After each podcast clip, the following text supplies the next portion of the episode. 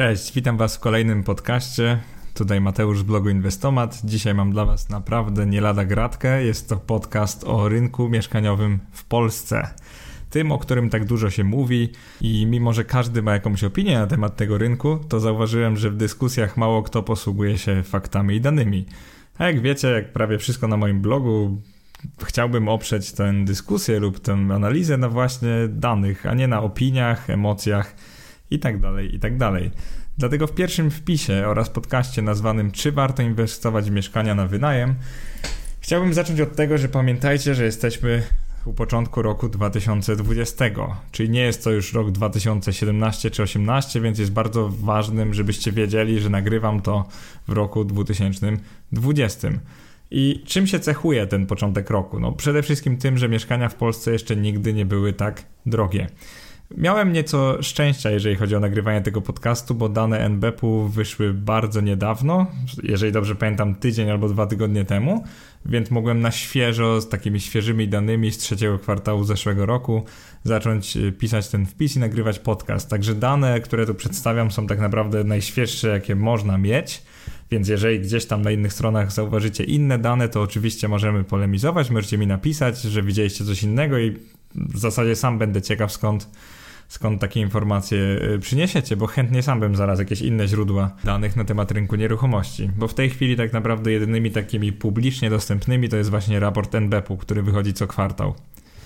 Dobrze, więc zacznijmy od tego, gdzie w tej chwili są ceny nieruchomości. Y, w obydwu wpisach będę się, wpi- y, będę się skupiał na Warszawie i Gdańsku, także będziemy rozmawiać jedynie o tych dwóch miastach.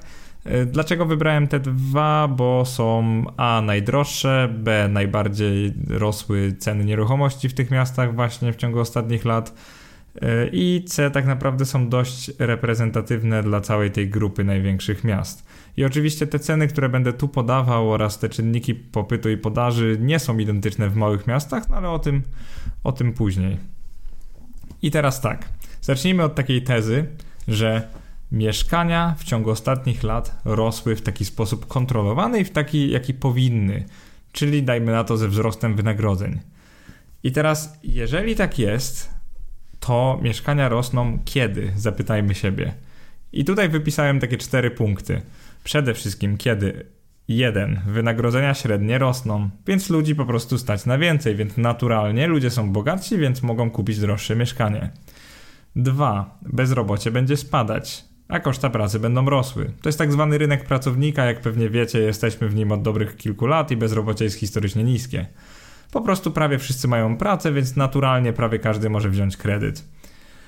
3. Wartość inflacji, zwłaszcza na materiały budowlane, będzie wysoka i będzie rosła. No i właśnie w tej chwili mamy do czynienia z taką sytuacją, gdzie nie tylko na materiały budowlane, ale na wszystko ta inflacja jest dość wysoka. Czyli dodruk pieniądza, rozdawnictwo powoduje to, że jest coraz więcej konsumentów i ludzie wydają coraz więcej gotówki, a w związku z wydawaniem tym, tej właśnie gotówki rosną ceny towarów. To jest bardzo normalne zjawisko.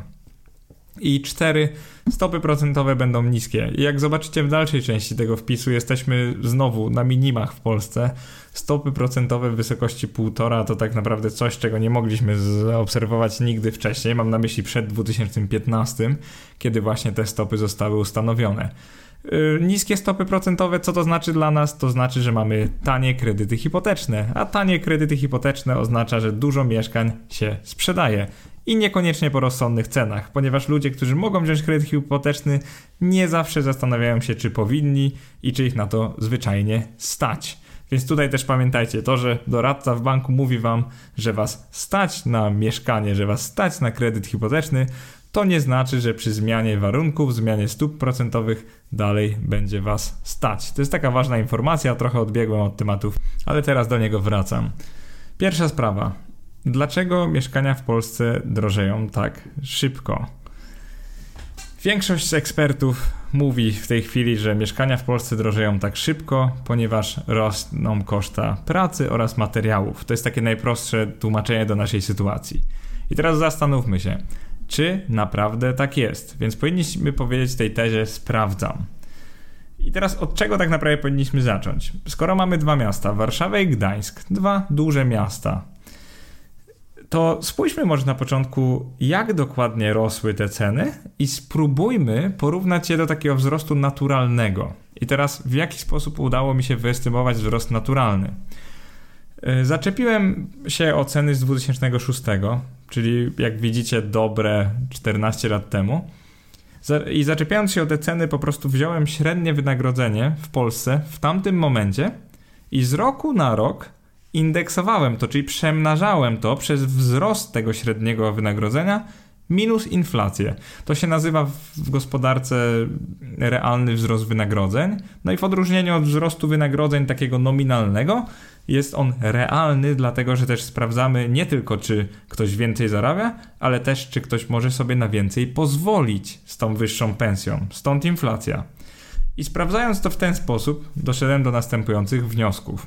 Jeżeli spojrzymy na Warszawę, zacznijmy od rynku pierwotnego, to ta cena mieszkań tak naprawdę dość dobrze podąża za tym realnym wzrostem wynagrodzeń. O ile w latach 2007, 2008 lub nawet 2009 ona była mocno oderwana od tego realnego wzrostu, czytajcie, mieszkania po prostu były obiektywnie za drogie.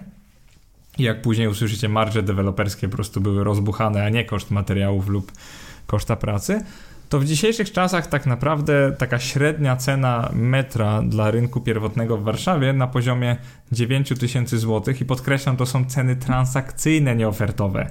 Czyli co z tego, że w ofertach widzicie 11 tysięcy, jeżeli średnio transakcyjnie jest to 9. Więc podkreślam, ta średnia cena 9 tysięcy złotych brutto za metr kwadratowy mieszkania na rynku pierwotnym w Warszawie wydaje się taką ceną całkiem godziwą, jeżeli spojrzymy na wzrost wynagrodzeń w ciągu ostatnich 14 lat. Jeżeli spojrzymy na rynek wtórny, tu tak naprawdę maluje się bardzo ciekawa sytuacja, bo wygląda na to, że ta cena w tej chwili ona jest też w wysokości tam 8500 bliżej złotych brutto za metr kwadratowy, wygląda na to, że ta cena jest całkiem godziwa, a nawet być może atrakcyjna. I to jest ciekawe dla osób, które są fanami takiej tezy, że mieszkania są za drogie w każdym mieście i na każdym rynku. Akurat wygląda na to, że średnio mieszkanie z rynku wtórnego, czyli to mieszkanie tak zwane używane w Warszawie, może być całkiem niezłą okazją i to jest już całkiem fajne wnioski nam się zaczynają nasuwać. Ale przejdźmy w tej chwili do Gdańska, który jest rynkiem troszkę innym od Warszawy. Przede wszystkim w Gdańsku zarabia się mniej. To jest oficjalna statystyka. W Gdańsku średnie zarobki po prostu są niższe niż w Warszawie. I to tak sporo niższe. Jeżeli dobrze pamiętam, to było przynajmniej 10-20% niższe. E, stąd spodziewałbym się, że koszta nieruchomości, że cena metra będzie niższa niż w Warszawie. I teraz robi się naprawdę ciekawie, bo cena metra kwadratowego na rynku pierwotnym w Gdańsku jest równie wysoka jak ta w Warszawie praktycznie, czyli wynosi 9000 złotych brutto za owy metr. I teraz jaki mam problem z tą ceną? No, problem mam taki, że jak spojrzycie sobie na wykres we wpisie, zobaczycie, że ucieka ona dość mocno od tej ceny liczonej realnym wzrostem wynagrodzeń, która powinna gdzieś tam być w okolicach 7000 zł za metr kwadratowy takiego mieszkania. Jest to bardzo ciekawa sytuacja i wskazuje ona tak lekko na bańkę, na przegrzanie tego rynku. Więc jak widzicie już, w Gdańsku mamy do czynienia z zupełnie inną sytuacją niż w Warszawie i niech to będzie pierwszy wniosek. No, ale nie powinniśmy wysnuwać wniosków nie patrząc też na rynek wtórny w Gdańsku. I analogicznie do Warszawy, w latach 2007-2009, a nawet trochę dłużej, bo aż do 10, mieliśmy do czynienia z ogromną bańką na rynku nieruchomości w Gdańsku, jak i w Warszawie. Te ceny były jakby o wiele wyższe niż powinny być licząc realnym wzrostem wynagrodzeń, ale co ciekawe, w roku 2013 te dwie krzywe, one się spotkały. I to jest dość ważne, bo teraz co oznacza, że one się spotkały? To oznacza, że, yy, że ceny były bardzo dobrze dopasowane do tego średniego wzrostu wynagrodzeń i takie analogiczne z tymi z 2006. Jaką sytuację mamy teraz na rynku wtórnym? Tak naprawdę mamy różnicę między tą ceną, jaka jest transakcyjną, to jest 8000 zł za metr kwadratowy, za to mieszkanie używane, a tą ceną, która powinna być, patrząc na wzrost wynagrodzeń, to jest 6000 zł. To jest ogromna różnica, 25% 2000 zł na metr. I oczywiście jestem fanem gospodarki wolnorynkowej, więc skoro ceny takie są, to znaczy, że ludzie są w stanie tyle zapłacić i bardzo dobrze. Natomiast w tym wpisie, czego nie będziemy poruszać, to to dlaczego i tego, jaka będzie przyszłość, czyli demografia i tak dalej, i tak dalej, bo po to jest ten drugi wpis. który wyjdzie za parę dni, łącznie z podcastem. I teraz zastanówmy się w ten sposób. Koszta pracy. No dobrze, wzrosły. Teraz pytanie dlaczego? Otóż bezrobocie spadło w ciągu ostatnich kilku lat, a w zasadzie od 2006 y, spadło z 17 do 6%, czyli ogromna różnica. Ponad 11% Polaków, które wtedy nie miało pracy, teraz ją ma. Więc jak możecie się domyślić, te osoby bardzo prawdopodobnie zaczęły brać kredyty, zaczęły wydawać pieniądze i to bardzo tak agresywnie i przez te wydatki ceny zaczęły rosnąć. Mam na myśli ceny również materiałów budowlanych, to jest dość normalne. To jest sterowane właśnie popytem i podażą. No i teraz pytanie brzmi, czy na pewno w cenę metra kwadratowego nieruchomości, dajmy na to w Warszawie, czy na pewno te czynniki kształtujące te, ten wzrost cen, czy na pewno są to koszta ziemi, koszta budowy oraz e, koszta pracownicze, koszta pracowników, nazywałem to robocizną tak potocznie. Czy być może mówimy tutaj o zysku deweloperskim, czyli po prostu marża wykonawcy rośnie i rośnie. Zresztą trochę się nie dziwię, jeżeli tak jest, bo w tych warunkach samemu pewnie bym starał się yy, tak sztucznie podwyższać ceny. I teraz pytanie brzmi: czy ceny są sztucznie podwyższone przez deweloperów? Czy deweloperzy wręcz muszą zaciskać pasa i operują na coraz niższej marży, ponieważ te ceny, te koszta rosną im bardzo szybko? I teraz jak to wygląda dla Warszawy? E, w tej chwili w Warszawie, czyli na rynku pierwotnym, deweloperskim, marża deweloperska pozostaje na poziomie około 25% ceny mieszkania. Czy to jest dużo, czy mało? No, przede wszystkim to jest podobna marża, jak była przez te wszystkie lata, więc już niezależnie od tej ceny metra, deweloper w Warszawie zawsze starał się otrzymywać około 25% ceny mieszkania. Natomiast jako ciekawostkę dla Was powiem Wam tylko tyle, że w, w Unii Europejskiej, jeżeli chodzi o ten metr mieszkania, to deweloper średnio otrzymuje raczej niższą marżę, więc akurat Polska jest bardzo takim dobrym rynkiem dla deweloperów. To jest nieregulowane, więc deweloper może sobie zaśpiewać, jaką cenę tak naprawdę mu się żywnie podoba, tak długo, jeżeli znajdzie kupującego. I teraz co to znaczy w praktyce? E, wyobraźcie sobie, że e, koszt budowy mieszkania w tej chwili to jest 6300 zł oraz jak naliczymy na to marżę deweloperską 2000 zł, otrzymujemy ten taki całkowity koszt metra mieszkania i to jest 8300 zł. To są akurat dane sprzed dwóch kwartałów, ale mniej więcej tak to wychodziło średnio dla warszawskich deweloperów. Więc jak widzicie, no jednak ta marża jest dość dużym czynnikiem w Warszawie przynajmniej. Jeżeli chodzi o koszta materiałów, pracowników itd., tak itd., tak one rosną zdecydowanie szybciej niż marża. Przede wszystkim koszta ziemi rosną tak naprawdę o takie dobre kilka procent rocznie. E, koszta budowy projektu oraz koszta tak zwane ogólne rosną też dość szybko, zwłaszcza koszta budowy, czyli właśnie materiały plus pracownicy i w ciągu ostatnich pięciu lat rosną też tak, może jednocyfrowo, ale mocno jednocyfrowo rocznie. To jest około 5-6% rocznie. Także widzimy, że deweloperzy faktycznie nie mają łatwego życia, o tyle, że ta presja na, na, na, ceny, presja na ich marże będzie coraz to większa. No, chyba, że ludzie będą chcieli w końcu płacić za metr mieszkania około, wiecie, 20-25 tysięcy złotych, w co wątpię, patrząc na nasze średnie wynagrodzenie, które w tej chwili wynosi około 5 tysięcy złotych brutto. Więc po prostu nie, bym się zdziwił, gdyby ludzie byli gotowi tyle płacić za mieszkania. Dobrze więc. Spójrzmy na Gdańsk. Struktura ceny netto mieszkania, metra kwadratowego mieszkania na rynku pierwotnym w Gdańsku. E, pierwsza obserwacja jest taka. Ceny ziemi bardzo mocno skoczyły. I to w roku 2018, na samym początku. Pytanie dlaczego, ale to już jest materiał na inny wpis. Z jakiegoś powodu skoczyły. Ceny robocizny oraz materiałów analogicznie dość szybko rosną, około 5% rocznie. Jeżeli chodzi o marże deweloperskie, wygląda na to, że trójmiejscy deweloperzy są nieco bardziej chciwi niż ci w Warszawie, ponieważ inkasują marże w wysokości 30, a nawet powyżej 30% ceny nieruchomości. I teraz taka ciekawostka o gdańskich deweloperach, że kiedy mieliśmy ostatnią bańkę na rynku nieruchomości, czyli w latach 2007-2008, byli oni jeszcze, jeszcze chciwsi, czyli inkasowali e, aż 40% marży na takiej cenie nieruchomości. Więc jest to bardzo dużo. Wyobraźcie sobie, że prawie połowa ceny nieruchomości w tamtych czasach to był zysk dewelopera. Więc jeżeli ktoś jeszcze użyje argumentu, że ceny nieruchomości rosną tylko dlatego, że mamy coraz to droższą pracę oraz materiały, to bardzo chętnie odeślę go do mojego wpisu, do tych wykresów. To są oficjalne dane NBP-u, więc akurat z nimi bym raczej sugerował się nie kłócić, bo to są najlepsze dane, jakie w Polsce mamy. Kolejnym czynnikiem kształtującym ten wzrost cen mieszkań może być oczywiście stopa procentowa. I teraz tak. Pytanie, jak dużo wiecie o stopach procentowych? Czym one są, tak w takim telegraficznym skrócie? E, międzybankowe stopy procentowe to jest to, to są, to jest tyle procent, ile wymagają banki od siebie, żeby sobie nawzajem pożyczać pieniądze. Zwykle one są niższe niż te konsumenckie. Natomiast konsumenckie stopy procentowe to jest to, o czym powiedziałem na początku podcastu, czyli te 1,5% w tej chwili. To jest e, na przykład baza dla e, marży na lokacie w banku, jeżeli zostawiacie pieniądze w banku, oraz to jest baza do kredytu hipotecznego. Jeżeli bierzecie kredyt od banku, to kredyt ten będzie tak drogi jak stopy procentowe plus marża plus różne ubezpieczenia. Czyli przykładowo przy tych historycznie rekordowo niskich stopach procentowych wynoszących tylko 1,5% wasza pełna marża y, kredytu, taka roczna, będzie wynosiła na przykład 4 y, do 5% rocznie. I mam na myśli RRSO, czyli ta realna, rzeczywista stopa oprocentowania kredytu. I teraz tak.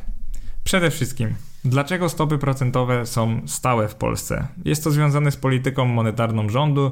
Rząd chciałby yy, po prostu stymulować w ten sposób gospodarkę. Tani kredyt równa się potencjalnie wyższe inwestycje firm. Czy to się dzieje w praktyce? No, nie bardzo. Y, jak wyglądają stopy procentowe w innych krajach? Jak sobie spojrzycie na wykres, który załączyłem w artykule, Y, w Polsce były one niebotycznie wysokie jeszcze 20 lat temu, byliśmy po transformacji, więc tak jak inflacja, no te stopy były bardzo wysokie, żeby zachęcić ludzi do trzymania naszej gotówki złotego. Jeżeli chodzi o Stany Zjednoczone Ameryki Północnej, to te stopy tak oscylują zwykle między 1 a 5%. Co ciekawe, w tej chwili są wyższe niż w Polsce, czyli doszły już do tych około 2%. Jeżeli chodzi o Niemcy, to tak naprawdę stopy są lekko dodatnie, bywały nawet ujemne, około 0,3%, także Niemcy nie, nagradzają ludzi za trzymanie depozytów oraz trzymanie tej e, waluty w euro. I teraz, co to znaczy, że mamy stopy procentowe w wysokości 1,5%? Najprościej w kontekście rynku nieruchomości oznacza to to, że na przykład jeżeli bierzesz kredyt na 30 lat, który ma taką stałą, e, oczywiście ona nie jest stała, ale w tej chwili stałą ratę, na przykład półtora tysiąca złotych miesięcznie, to wyobraź sobie, że gdy te stopy pójdą troszkę do góry, powiedzmy do 3%, czyli z 1,5 do 3, to nie brzmi jakby było to jakoś bardzo dużo, to nagle twoja rata kredytu zacznie wynosić na przykład 1900 złotych. Czyli tak naprawdę to, czy ciebie stać na ten kredyt, jest mocno zależne od stóp procentowych. Bo teraz wyobraź sobie, że skaczą do 10% i mieszkanie, powiedzmy inwestycyjne, yy, gdzie zakładałeś, że będziesz płacić jakieś 1500 zł miesięcznie, nagle zaczynasz płacić 3500 zł miesięcznie za to samo, bo po prostu wartość Twojego kredytu wzrosła. To jest bardzo ciekawe, bo mieszkanie jest warte tyle samo, ile było warte w momencie kupna, ale bank chce od ciebie po prostu wyższe odsetki, bo wzrosły stopy procentowe. Także uwaga na to. To, że w tej chwili są niskie, to nie znaczy, że przez kolejne przed 10 lat będą niskie. Natomiast co to znaczy dla tych cen mieszkań i historii? To znaczy to, że skoro od 5 lat mamy tani kredyt, no to oczywiście więcej ludzi się nim posługuje i zaciąga go na mieszkania dla siebie oraz mieszkania inwestycyjne. Jest on tani, więc mieszkania obiektywnie były bardzo dobrą inwestycją jeszcze kilka lat temu. E, już dochodzimy powoli do końca podcastu, tego pierwszego. Spójrzmy jeszcze na to, ile mieszkań jest kupowanych na kredyt, a ile za gotówkę więc ten stosunek popytu kredytowego do popytu gotówkowego. E, I teraz patrzymy na dane dla największych siedmiu aglomeracji w Polsce i w tym momencie wygląda to w ten sposób. Przede wszystkim popyt kredytowy wygląda bardzo podobnie we wszystkich omawianych latach, czyli 2015-19, ostatnie 4 lata, czyli lata tej, nazwałbym, kształtowania się tej bańki. Popyt kredytowy był mniej więcej stabilny, i to było na, na poziomie, akurat tu kwotowo, pewnie nic wam to nie powie, ale kilku miliardów złotych rocznie. I teraz, jeżeli chodzi o popyt gotówkowy, tu się robi bardzo ciekawie, ponieważ jest on wyraźnie wyższy niż był wcześniej. I teraz co mam na myśli? W roku 2016 kupujący gotówkowi nagle się uaktywnili. To był ten moment, kiedy te ceny zaczęły tak szybko rosnąć. W taki sposób wręcz szarpany. I teraz co ciekawe, coraz więcej osób kupuje mieszkania za gotówkę. Co to znaczy? No, prawdopodobnie, że jesteśmy bogaci, bo posiadamy tę gotówkę, co jest akurat dobre, ale z drugiej strony może to też znaczyć, że nieprofesjonalni inwestorzy, bo zauważcie, że profesjonalni inwestorzy raczej chcą się posługiwać kredytem, zwłaszcza jak jest tani. Więc to by mogło oznaczać, że tacy klienci gotówkowi, czyli ci, którzy szukają czegoś rozsądnego na swoje inwestycje, na swoje oszczędności życia, po prostu lokują swoją gotówkę, prawdopodobnie wszystkie pieniądze, które mają, w mieszkaniach. Czyli niekoniecznie już patrzą na ceny, tylko po prostu uważają to za dobrą lokatę kapitału. Teraz dochodzimy już do ostatniego nagłówka w tym wpisie i do samego końca podcastu. Skoro wpis i podcast nazywają się Czy w 2020 roku warto inwestować w mieszkania na wynajem? Odpowiem w ten sposób. Jeszcze kilka lat temu zdecydowanie powiedziałbym, że tak, ponieważ z mieszkania spokojnie mogliśmy osiągnąć stopę zwrotu brutto wynoszącą 8 do 10%, co było nawet wtedy znacznie więcej niż płaciły wtedy obligacje, czyli 4-5%. To w tym momencie ta wartość, jakby, jakbyście kupowali mieszkanie po cenie rynkowej, czyli dajmy na to w tej Warszawie właśnie za około 9-10 tysięcy za metr, jeszcze koszta odnowienia tego, później koszta wynajmu. Pamiętajcie, podatek z tego wynajmu, i mówię teraz o wynajmie długoterminowym, to raczej nie uda Wam się osiągnąć więcej niż 5,5 do 6% brutto rocznie. I teraz zastanówmy się, około 6% brutto rocznie. Czy to jest dobra stopa zwrotu, czy słaba? No, powiem Wam szczerze, mnie ona ani nie zachwyca, ani nie rozczarowuje. To dalej jest całkiem niezła inwestycja, tylko ten problem, który ja z nią mam, tak osobiście, jako inwestor giełdowy, to to, że jest dość dużo zachodu związanego z tym wynajmem. I teraz pytanie, czy chcesz musieć szukać tych lokatorów, odnawiać to mieszkanie, dokonywać napraw, podpisywać umowy, po prostu robić dość sporo rzeczy, aby uzyskać te 6% brutto rocznie. Tu oczywiście zakładamy ten zakup za gotówkę czy nie wolałbyś, nie wolałabyś przypadkiem po prostu zainwestować na giełdzie? I teraz mówię tu o różnych funduszach inwestowych lub obligacjach, gdzie niektóre z nich spokojnie wypłacają około 5-6% brutto, czyli analogicznie jak to, jak to mieszkanie kupione po tej dzisiejszej cenie. I teraz, co jest bardzo istotne na sam koniec, to to, że na razie powiedzieliśmy tylko o historii i obecnych cenach. Odpowiadam tak w taki sposób trochę roz, rozmyty, pewnie jak zwykle, czy warto kupić? E, odpowiadam raczej nie, w zależności od tego, jakie masz podejście do giełdy. Jeżeli nie masz problemu z giełdą, to sugerowałbym, żeby tam ulokować pieniądze, na przykład w jakimś ETF-ie rynków wschodzących. Natomiast jeżeli nie ufasz tego typu inwestycjom, to myślę, że mimo wszystko warto, bo mieszkanie będzie lepsze niż lokata. Nawet jeżeli stanieją, to prawdopodobnie będziesz dalej je całkiem godziwie wynajmować. I teraz, co jest super ważne na koniec, to to, że w tym wpisie celowo nie poruszyłem najważniejszych czynników wzrostu lub spadku tego rynku i to jest właśnie głównie demografia, to są migracje, to jest turystyka, ponieważ te tematy zostawiam sobie na kolejny podcast i kolejny artykuł, który od razu Wam mówię, będzie prawdopodobnie dużo, dużo ciekawszy niż ten, ponieważ znalazłem o wiele więcej danych i te dane są naprawdę miejscami szokujące.